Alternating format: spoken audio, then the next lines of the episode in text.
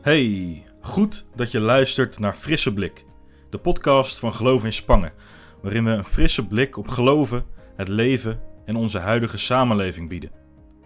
Dit is de week voor Pasen, de zogenaamde Stille Week. In deze week leven we toe naar nieuw leven.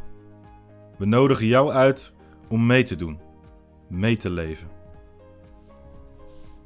Vandaag is het Goede Vrijdag. We staan stil bij Jezus lijden en dood.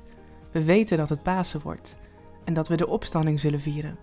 Maar vandaag is het nog vrijdag en laten we op ons inwerken wat Jezus heeft doorstaan.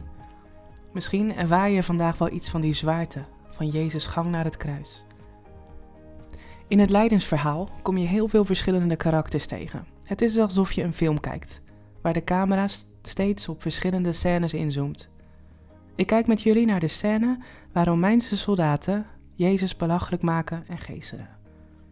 Mijn vraag voordat we het Bijbelgedeelte lezen: heb je wel eens meegemaakt dat mensen om jou heen jou belachelijk maakten? Of dat ze met God spotten? Wat riep dat bij je op?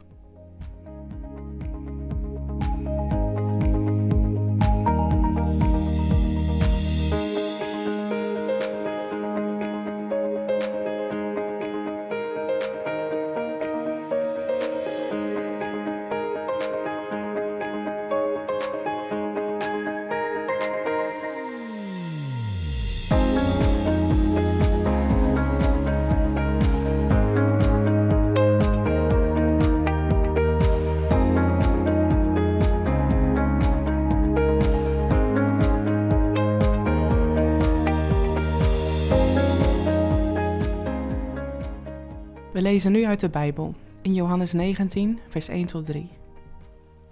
Toen gaf Pilatus Jezus mee aan zijn soldaten. Die sloegen Jezus met een zweep. Ze maakten een kroon van doornentakken en zetten die op zijn hoofd.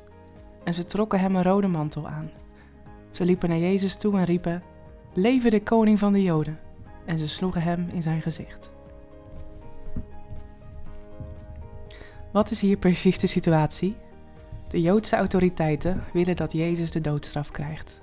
Maar zij kunnen die beslissing niet zelf uitvoeren, omdat de Romeinen de baas zijn in Israël.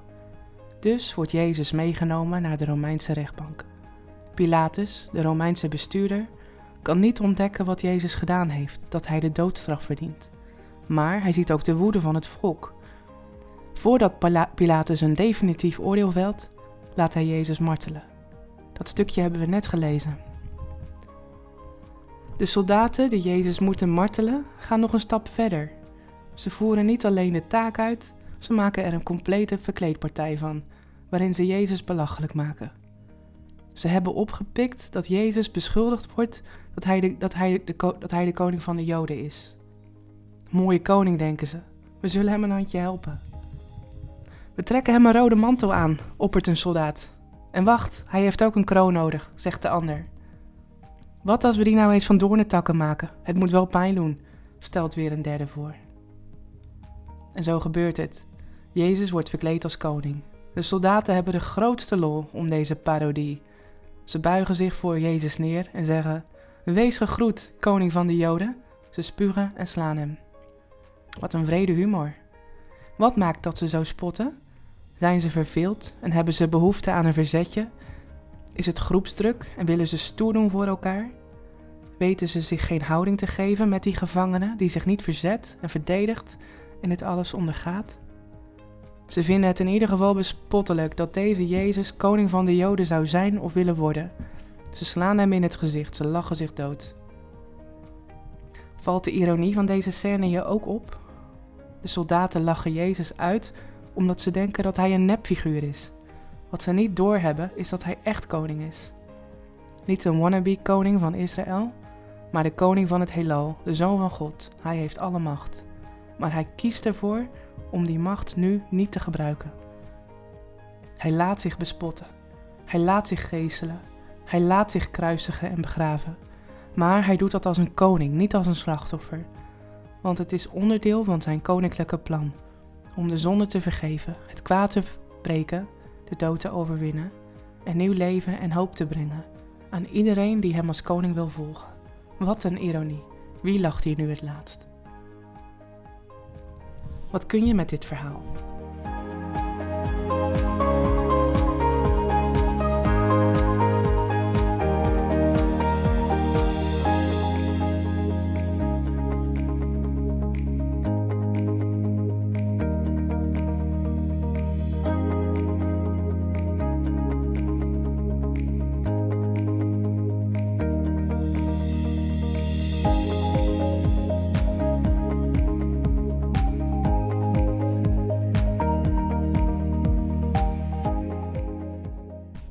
Ikzelf put er troost uit.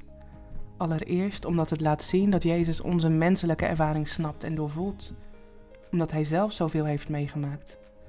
Misschien heb je zelf wel te maken gehad met pestgedrag. Ben je bespot om wie je bent of wat je gelooft? Ben je zelfs bespuugd en geslagen? God voelt je pijn. En ten tweede, onze God is groter dan spot en treitergedrag. Hij staat erboven omdat hij zijn eigen goddelijke gang gaat. Uit liefde ondergaat hij dit, want zijn lijden en sterven zorgen voor vergeving en nieuw leven. Ook deze wrede soldaten wil Jezus vergeven. En met hen iedereen die ook vandaag de dag met God spot, die Jezus belachelijk vindt. Ik vind dat koninklijk en ontroerend. Een gebed om mee af te sluiten. Grote koning, vandaag denken we aan uw lijden en sterven. U werd bespot, getreiterd, belachelijk gemaakt. U die de koning van het heelal bent en ons de levensadem geeft. U doorstond de spot, omdat u voorbij het kruis en het graf kon zien. U zag de overwinning en de vergeving. Vergeef ons als ook wij met u gespot hebben. Geef ons ontzag voor u als koning en dat wij als uw onderdanen u mogen dienen, om Jezus wil. Amen.